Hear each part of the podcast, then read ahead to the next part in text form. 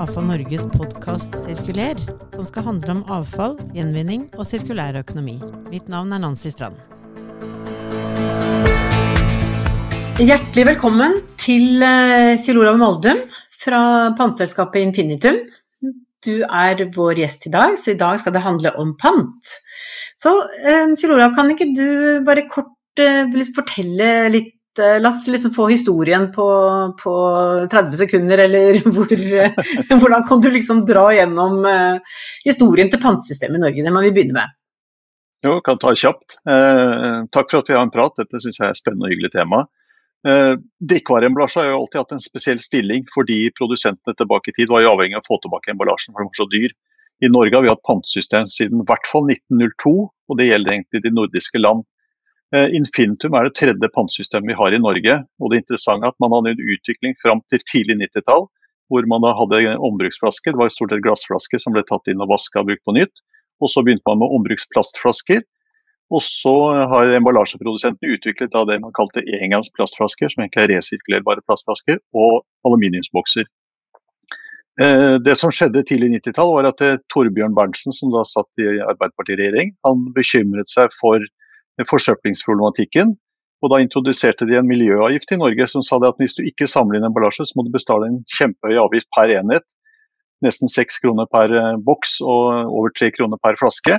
Men det geniale var at den miljøavgiften var designa så den er degressiv. Dvs. Si at jo mer du samler inn, jo lavere blir avgiften. Er det over 95% dokumentert innsamling, så er det null. Og Da sa bransjen at vi ønsker å begynne å selge på resirkuleringsemballasje, for den er mye mer ressurseffektiv. Hva gjør vi? Og de så på kommunale innsamlingssystemer, var og besøkte Danmark og Sverige og naboene våre. Så konkluderte de at de var nødt til å etablere et tredje pantesystem. De hadde da allerede et pantesystem for ombruksemballasjen. Og det var da i 1997 ble Infintum stiftet som selskap, og operasjonen starta 3. mai 1999. Og vi har hatt ansvaret for resirkuleringsemballasje siden da. Eh, I 2014 så stengte vi ned systemet for ombruksemballasje i Norge. Så nå er det kun resirkuleringsemballasje, flasker og bokser som brukes. Så det er den lynraske eh, historikken. Eh, I Norden så har vi faktisk da alltid hatt pantesystem opp gjennom årene, mens i resten av verden så stengte man pantesystemene på tidlig 90-tall. Og Det er jo en av grunnene til at vi har et stort forsøplingsproblem rundt i verden i dag når det gjelder drikkevareemballasje og annen emballasje. Ja, altså med oss uh, i podkasten i dag er også Cecilie Lind, administrerende direktør i AFA Norge. Um, velkommen til deg også. Takk for det. Så um, altså, vi må vel kunne slå fast at uh, pantesystemet sånn som, sånn som, det nå er uh, per i dag, er en kjempesuksess. Det er veldig høye resultater å vise til. Så hva, hva, hvis du kort uh, sier, uh, Kjell Olav, hva, hvor er vi nå i forhold til materialgjenvinningsgrad og innsamlingsgrad? innsamlingsgrad? Ja, det er jo Spesielt i koronatidene så er det jo en eh, utrolig interessant utvikling. Men i 2019, før korona kom, så nådde vi akkurat 90% pantegrad. Dvs. Si at eh, flaskene og boksene, 90% av de ble pantet, de ble levert i en panteautomat.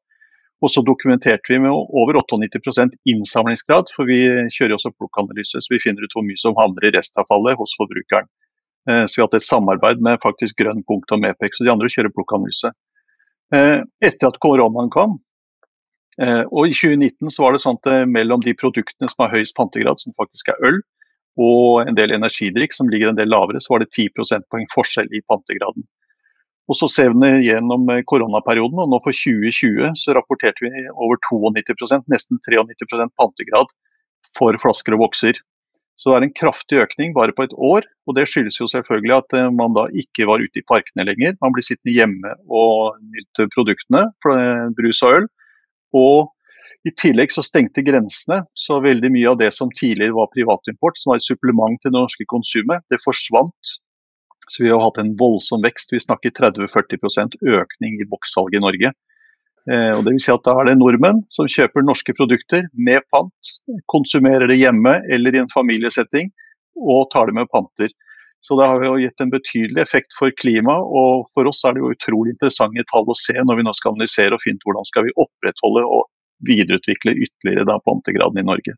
Vi ønsker mm. å få alt inn i panteautomaten. Ja, mm. Så hva sier du Cecilie om, om disse resultatene? Nei, Det er jo imponerende, og det er jo interessant å observere hvor tilsynelatende enkelt, da. Eh, det er å få disse flaskene og boksene tilbake, mens vi sliter eh, betydelig mer i andre, i andre avfallsstrømmer. Så det er veldig interessant å gå i dybden på hva det er som gjør at dette funker så, så bra, og hva vi kan ta med oss over i de andre ordningene, da. Ja, akkurat det. Så, så hva, hva, er uh, suksessfaktorene, Kjell Olav? De viktigste, sånn som du ser det? Det er klart, det er jo Drikkevarer skiller seg ut på ett viktig område, og det er at en stor del av konsumet er på farten. Dvs. Si at når vi er på vei til hytta eller i parker og på fjorden og sånt noe. Så derfor har det jo alltid vært interessant med et økonomisk insentiv for å sikre at man tar det med tilbake, eller at noen plukker det opp etter deg. Og Det er klart det er en stor utfordring med annen emballasje som er på farten. Det er ingen som gidder å ta med, for det har ikke noe verdi. Selv om du samler litt plast, så er det ingen som kan betale deg en fornuftig pris for den jobben. Eh, og Det ser vi jo i resten av verden, hvor man kutter et pantsystem, hvor det er et enormt forsøplingsproblem. Eh, men det andre er jo også at jobber, vi jobber jo veldig mye for å forenkle systemet. Så vi har lagd løsninger sånn at du kan eh, sette fra deg flaskene i parken. Vi har lagd sånne panterør som henger på siden av søppelkassene. Eh, og Det er jo for å hindre at folk da må rote opp i søppelkassene for å ta ut panten. Eh, vi hadde en ung student som kom til oss, han studerte på Universitetet i Oslo. og Så hadde han begynt å telle hvor mange flasker som lå i søppelkassen på universitetet. Det var fascinerende mange. Husker jeg ikke eksakt, men jeg tror det var borti 60 000 flasker i måneden som studenter, fattige studenter kasta i søppelkassa. Så han kom opp med en løsning hvor vi har eh, ja, han kontakta et firma i Østfold som eh, tok gamle oljefat, det syns jeg er ganske morsomt. Som da de pusset opp, lakkerte, og så lagde vi en eh, topp på dem med sånn gummilepper, sånn at du kunne bruke som pantetønner. Og De har jo da bl.a. Eh, Oslo-skolen sagt at alle skoler og universiteter i Oslo skal ha de. Og Det er jo da for å tilgjengeliggjøre så dette vi kaller på farten, det når du har den ene flaska, at man også får en god løsning på det. For Når vi spør forbrukeren, så sier alle at vi spør hva er viktig for miljøet, så sier de ja, jeg panter. Og så spør vi panter du alt, og så sier nei, ikke alt. Men stort sett så panter jeg, og det føler man at vi er så flinke at den ene flaska den er ikke så nøye. Så det er da vi prøver å tenke det at det er mange bekker små, eh, og derfor jobber vi med disse på farten-løsningene. Så parker, slalåmbakker, skianlegg, arenaer generelt, så har vi lagd og utviklet disse her på farten-løsningene, som er noen plastflasker eh, eller sånne tønner hvor du kan levere inn panten. Og Da er det gjerne donasjon til organisasjonen som drifter det. I tillegg har vi et godt samarbeid med Røde Kors. og Det er også interessant å se hvor mange som donerer flaskene når de er på hytta, for å slippe å ha med seg posen med flasker i bilen når de kjører hjem. Så gir de gladelig en pose til, til lokale Røde Kors-laget. Mm, ja, og siden du var inne på det med verdi, fordi uh, altså, pantesatsene det har jo vært et stort tema. Ja, det var det. De sto jo stille fra 86, var det vel, de små flaskene.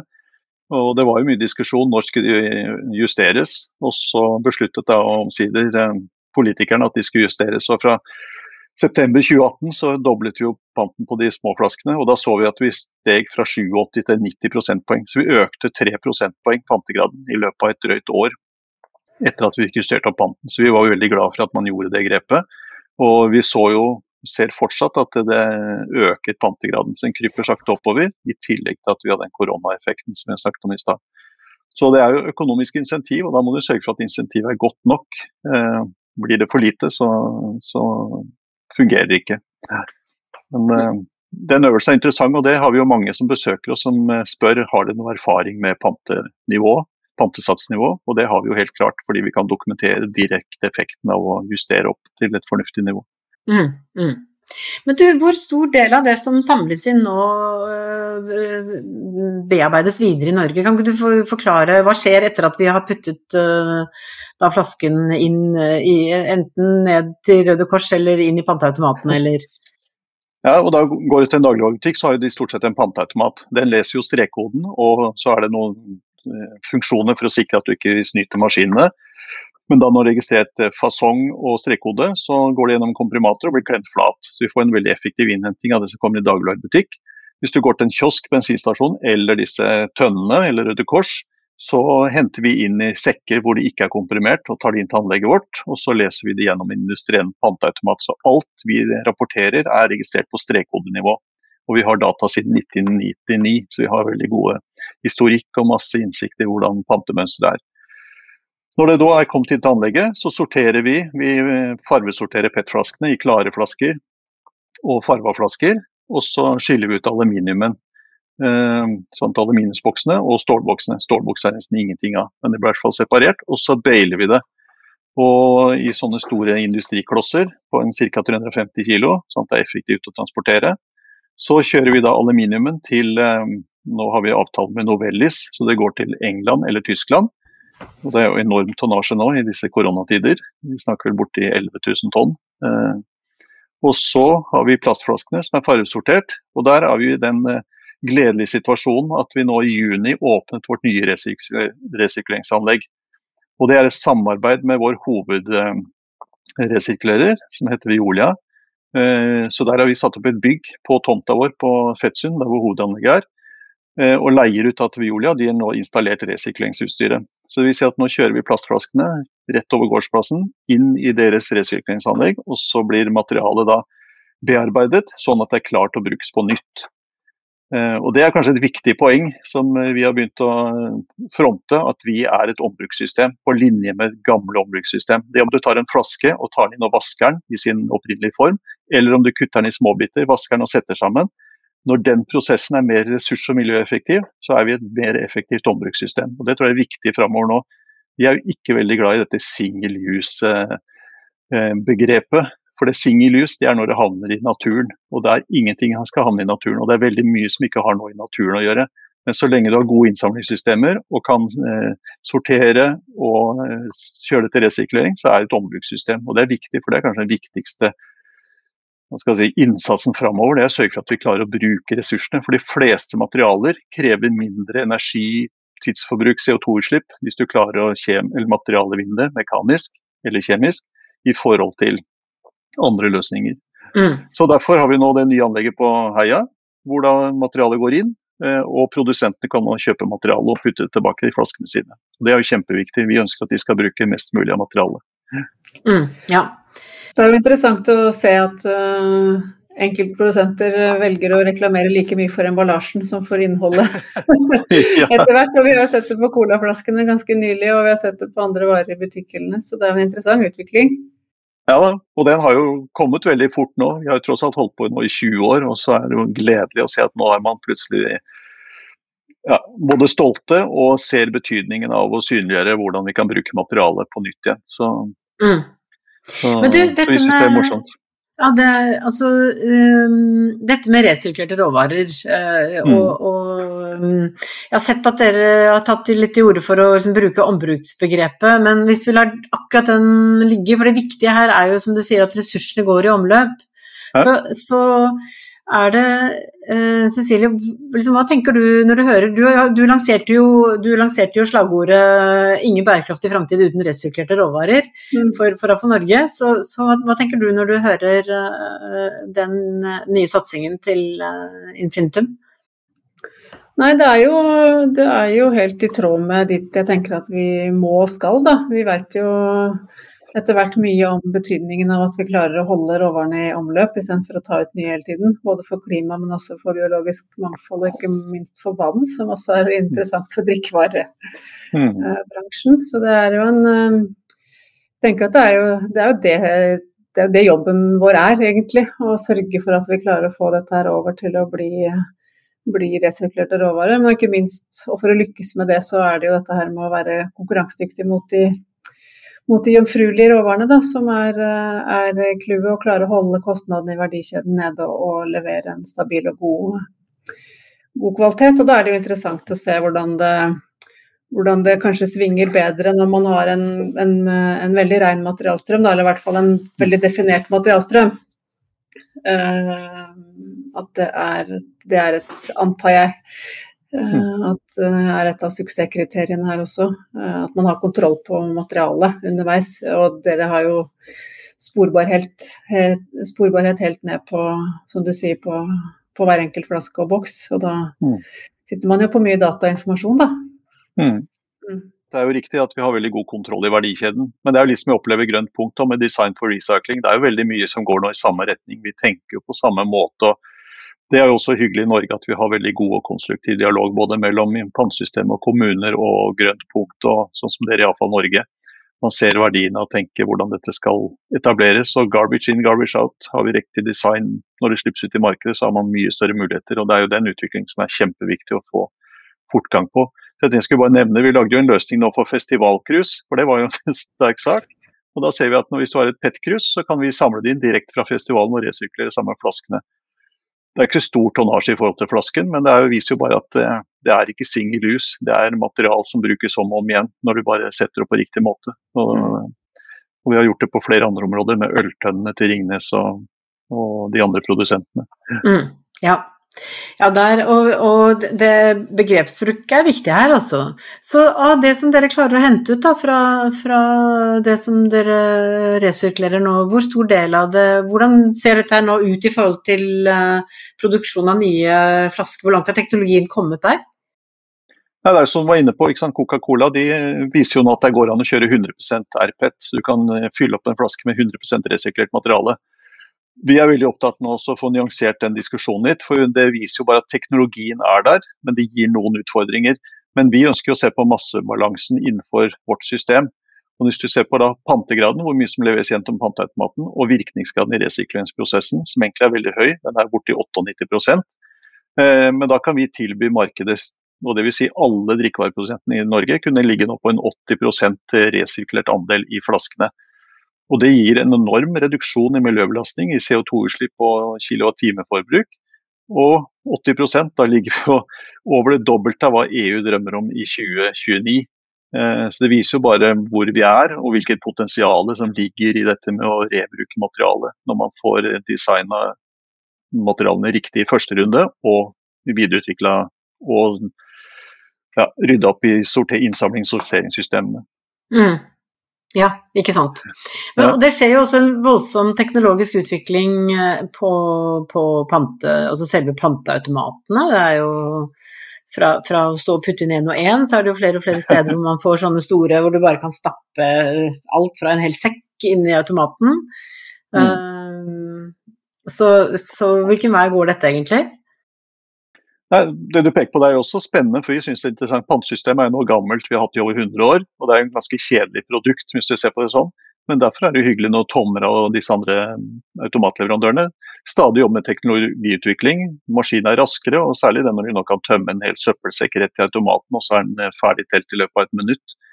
Det viser jo bare at her er det potensial. Og det som man ikke tenker på, men det er at vi jobber bak siden av automaten og ser hvordan kan vi da rasjonalisere innhenting. Så De fleste de kjører jo da flaskene og boksen i en sekk som vi henter med lastebil, men de store butikkene nå så har vi en krokkasse stående på utsida. Så De fyller opp en krokkasse i løpet av en ukes tid, og så henter vi hele krokkassa ferdig. Og Da kutter vi emballasjekostnader, kutter eh, logistikkostnader og rasjonaliserer, rasjonaliserer systemet enda mer. Så det er jo spennende her at eh, vi er jo absolutt ikke eh, ferdig utviklet. Det er masse å jobbe med videre. Og det gjelder jo hele disse systemene for innsamling av materialer generelt, uansett hva det er.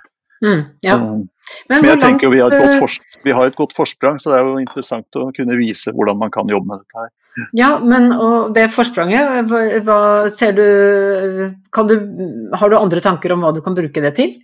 Jeg tenker, eh, altså, det, jo, det, er jo mange som har foreslått at det kan komme andre produkter også inn i pantesystemet. Er det ja da, vi får jo forespørsel på det, og det er ting som er på blokka. Men der har vi en eh, dialog med Grønnpunktet og sånn. Vi må se på dette. Eh, hva er hensiktsmessig? Og der tenker vi man må skille litt på hvor det avfallet oppstår. Hvis det er hjemme på kjøkkenbenken, så tror vi fortsatt kommunene og de systemene har en viktig rolle å spille. Men vi får stadig forespørsel fra andre produsenter om de kan få lov til å komme inn i pantsystemet. Og det er jo hyggelig. Eh, og jeg tror på sikt så vil man kanskje bruke pantsystemet i enda større grad. Men det andre er jo det å bruke pant, dvs. Si økonomisk insentiv i mer utstrakt dekning. Jeg tror jo det burde vært gjort på flere områder. Jeg har en kjepphest, og det er fiskegarn. Hvis en eh, fisker får fanga et garn fra en annen, så burde han jo få godt betalt. Hadde det vært pant, så hadde han jo fått betalt. Så jeg tror det er flere områder, når man har gjort det på båter, en type pantesystem, så at det er noe insentiv for de som da finner eh, det som er forlatt, å kunne få levert inn. Så det er todelt. Det ene er da å se hvordan, hvilket insentiv har du for å ta det med deg og levere det inn i et system. Og det andre er hvordan systemene utvikler seg. Eh, og Der ser vi også sånn som ROAF er jo et spennende case hvor man har satt opp sentralsortering og får kunnskap om hvordan man skal utvikle systemet. Så, så, det tror jeg er viktig, mye av det vi gjør i Norge. Mm, ja. Eh, hva sier du Cecilie? Nei, jeg tenker eh, Du sier og snakker om insentiver, Kjell Olav. Og vi mennesker er jo dessverre noen ganger liksom grunnleggende late. og vi trenger litt push, da. Så jeg er litt nysgjerrig på du, hva du tenker rundt det at, at, at, automatene står i butikken, hvor vi jo er hvor mange av oss i hvert fall er eh, hver dag, da. Eller om ikke hver dag, så i hvert fall flere ganger i mm. Hvor viktig har det vært for at vi faktisk leverer uh, inn? Ja, Det er kjempeviktig, og det kan vi jo faktisk bevise. For der er jo norske regelverket er veldig klart. og Det er interessant når de da lagde regelverket for panteforskriften på 90-tallet, så står det en setning, og det står at hvis du selger drikkevareemballasje med pant, så er du pliktig til å ta imot. Så det vil si at man tok med seg detaljisten inn i den produsentansvarstenkningen. Jeg tror ikke det var helt bevisst, men jeg tror de la det inn fordi de så at det var fornuftig. Eh, og Det er en kjempefordel, for det gjør at alle kiosker, bensinstasjoner og alle som selger produkter i Norge, de er vant til at de må være en del av pannesystemet. Og Våre kollegaer i Sverige de misunner oss den ene setningen i forskriften. For der er det sånn at du kan seile opp på kysten av Sverige, eh, og der kan du være på små tettsteder og landsbyer. Og det er ikke mulig å pante annet enn i dagligvarebutikken. Og Det gjør at du får en lavere pantegrad. De ligger ganske mange poeng under oss eh, fordi det ikke er like convenient. Så det at vi har den eh, forskriftsformuleringen i Norge, og det er også veldig rasjonelt. For det vil jo si at Forbrukeren trenger aldri å stå utenfor butikken og lure på at kan jeg få pante her. De kan bare gå inn og si at her, jeg skal ha inn pengene mine. Så, så det er interessant. Den norske panteforskriften er på én A4-side. og Den har en fem-seks setninger, og alle de er dekkende. Og Den sier ingenting om hvordan vi skal operere. Eh, men den har plukka ut de viktigste elementene, bl.a. at du må ta imot hvis du selger drikkevareemballasje og eh, noen sånne punkter. Så ja, jeg blir helt rørt hver gang jeg snakker om norske pantforskriften, for den er bare genial. Jeg må innrømme at jeg var, jeg var inne og kikka på den i stad før vi skulle snakke sammen. Og jeg liksom observerer jo det samme, at den er jo faktisk på en side og knapt nok det. Og så tenker jeg på EA-fallet og hvor mye hvor mye vi har jobba for å få til EA-fallet. Og der har vi egentlig vi har den lille formuleringen akkurat på EA, så har vi den jo, da. Men uh, det er interessant altså hvor uh, at den ikke nødvendigvis er lovteksten da, som avgjør mm. hvordan, vi, um, hvordan disse systemene blir seende ut, men like mye mm. den virkelige verden og, og, alt det som ligger rundt. da. Så er ikke alltid at det er antall paragrafer som bringer verden videre. Mm. Nei, vi ser det godt. Vi har besøk fra veldig mange land nå, og de skal etablere forskrifter. Og de ender opp med tjukke bøker, ikke sant? hvor det er så detaljregulert. Fordi alle som har et eller annet behov skal prøve å få dytta inn en formulering i lovteksten. og Det gjør at de mister alle muligheter til å utvikle systemet. Men som jeg sier, vårt norske lovgivning er helt perfekt. For den gir oss ansvar og myndighet til å utvikle systemet. Og så har myndighetene bare sagt hva som er viktigst det er at de skal ha en grundig rapportering hvert år, og at alle som selger emballasje må ta det imot. Det er faktisk de to viktigste setningene i forskriften. Mm. Men er det ikke riktig å si også at uh, det har vært jobbet ganske mye med uh, altså utforme systemet på en sånn måte at, uh, at, det er insentiver der også for detaljistene og for handelen? Um, at det har vært en av suksessfaktorene?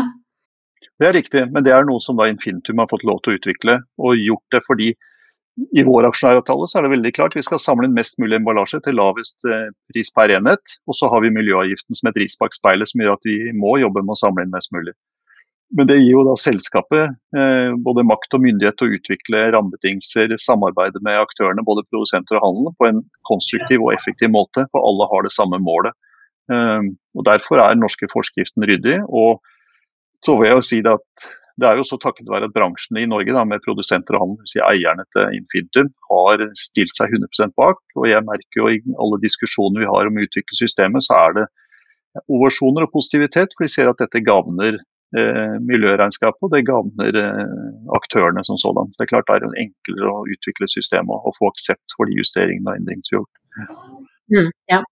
Men du, avslutningsvis, eh, fordi du var, du var jo inne på dette at eh, pantesystemet bygger jo på en, en, en strekkodesystem, og det husker jeg var noe av det første som egentlig imponerte meg mest. altså den all den informasjonen som lå i, i, i strekkoden som eh, var på en måte grunnlaget for et godt system, da, godt, godt pantesystem. Mm. Så, så, og nå er jo dette med sporbarhet og digitale løsninger eh, kommer jo for fullt på, på mm. alle områder, egentlig. Så hvordan tenker du at den, det som, de erfaringene som dere har gjort i pantesystemet med bruk av, strekkoder, kan komme andre produktgrupper til nytte? Ja, det tror jeg absolutt. Og det er klart, En ting er jo strekkoden på, på flaskene og boksene. for Den er jo viktig både fordi den sier noe om prisen når du skal kjøpe produkt i kassa. Og så bruker vi akkurat samme strekkoden til å da registrere produktet i panteautomaten. Men så har vi utvikla system så vi har akkurat samme sporbarhet. Når vi henter en sekk i en butikk, så har den en RFID-tag og en strekkode. Så vi har sporing, så vi vet hvor mange sekker vi har hentet i en butikk. Vi kan hele tiden holde track, vi kan utvikle logistikken, når er det vi skal hente i butikk. Så for oss er jo dette med bruk av strekkode og RFID det har vært eh, essensielt for videreutvikling. For det er det statistikkgrunnlaget som vi bruker til å effektivisere transporten. Så vi sitter jo og tuner og kjører sesongvariasjoner på transport og, og jobber hele tiden med å effektivisere det. Og Der har jeg en liten kjepphest, den må jeg få lov til å nevne siden jeg snakker med dere. Jeg synes Når kommunene setter ut en søppelkasse og skryter at den sier fra når den er full, jeg syns det er helt feil utvikling. Fordi du sitter med så mye statistikkgrunnlag, du vet at det er en solfylt dag så burde du sørge for at bilen er der når dunken er full. Ikke at dunken skal si fra at nå er jeg full. Vi sitter jo der og korrigerer da frekvensen i forkant. Vi vet er det en solfylt dag og en varm sommer, så vet vi at nå går volumet opp, og vi tuner transporten og har planer klare for å justere dette fortløpende. Så Man skal ikke se seg blind på IT-løsninger som rapporterer sjøl. Man er nødt til å bruke statistikken og vurdere sjøl hvordan man skal effektivisere. Jeg vil anta at hvis man hadde anledning til å dykke ned i alle dataene det sitter på, så ville man kunne finne ut mye interessant om bl.a. hvordan vi beveger oss rundt omkring i samfunnet, og hva vi tar med oss hvor, og hva har vi egentlig med på hytta og ja, i det hele tatt. Ja. Her er vi raskt inne på personvern og litt av hvert, men, men Heldigvis bare heldigvis bare flaska og boksen da, som har strekkoden, og ikke vi. Ja. ikke sant.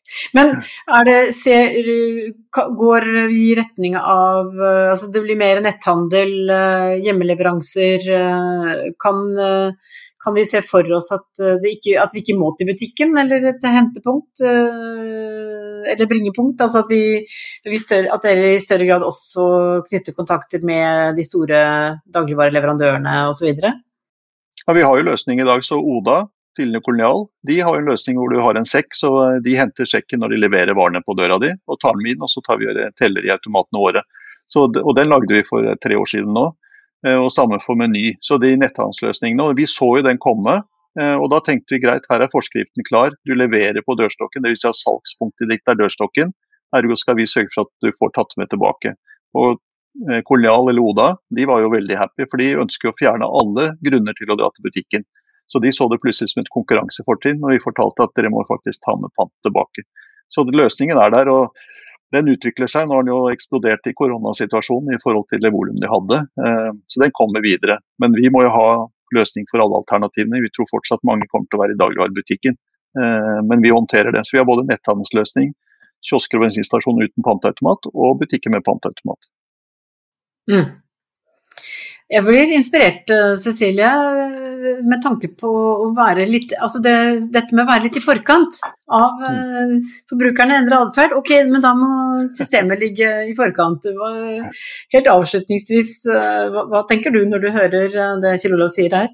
Jeg tenkte akkurat det samme. At det her med å, å faktisk omstille seg i det øyeblikket man ser at det begynner å skje, og ikke vente til at det faktisk har skjedd. For det er jo mye vi ser liksom konturene av, og så kan man selvfølgelig risikere det en gang å satse på feil hest eller bomme, men, men som regel så hvis, Hva er det den gamle sjefen min sa? Hvis du har ja eller nei, så er 50% sjanse for at du tar riktig. Har du et sunt bondevett på toppen, så er det overveiende sannsynlig for at du tar riktig beslutning. Så så det er noe med å, å se framover, ja, og så tørre å mm. satse på der hvor det, hvor det peker. Mm. Mm. mm. Ja. Du får muligheten for en liksom, avsluttende kommentar her nå, så går vi inn for landing. ja, da må jeg bare få lov til å nevne for det prosjektet vi har eh, utvikla, eller det konseptet for Oda. Vi kjører nå et testprosjekt sammen med Norsk Hydro, Norsk Metallinnvinning og Meny i Trondheim, hvor vi da ser om vi kan samle inn metallemballasje annet enn boks via sånn type sekker med hjemmehenting. Så Så vi er der allerede hvor vi ser hvordan kan vi utnytte det vi har etablert i samarbeid med de andre aktørene. Og Det er rett og slett for å få tak i mye mer aluminium som i dag havner i, i avfallsstrømmene, og som burde være i egne kanaler. Så Det er et spennende prosjekt. og som dere var inne på her nå, at eh, jeg, vi har ikke sett alle de mulighetene som ligger foran oss, og det er det som er spennende. Her er det mye vi kan samarbeide og diskutere og se hvordan vi kan løse de utfordringene vi har framover på en god og effektiv måte. Og I Norge har vi et kjempegodt utgangspunkt fordi vi snakker sammen mellom kommuner, pantesystemet, Avfall Norge, Grønt punkt, i motsetning til det som skjer i resten av Europa, hvor de ikke kan sitte i samme rom. Så Det tror jeg er kjempeviktig, og det fortrinnet skal vi utnytte i Norge til å ligge i forkant videre framover. Ja, Tusen hjertelig takk. Det må jeg si var en uh, utrolig bra avslutning. Så tusen takk for at du kom til uh, Avfall Norges podkast, Kjell Olav. Bare hyggelig, og takk for praten. Det var koselig. I like måte. Da gjenstår det bare å takke for i dag. Takk for at du har lyttet til Avfall Norges podkast. Takk til vår produsent Håkon Bratland. Har du innspill, send det gjerne til sirkuler at afalnorge.no. Ha det bra!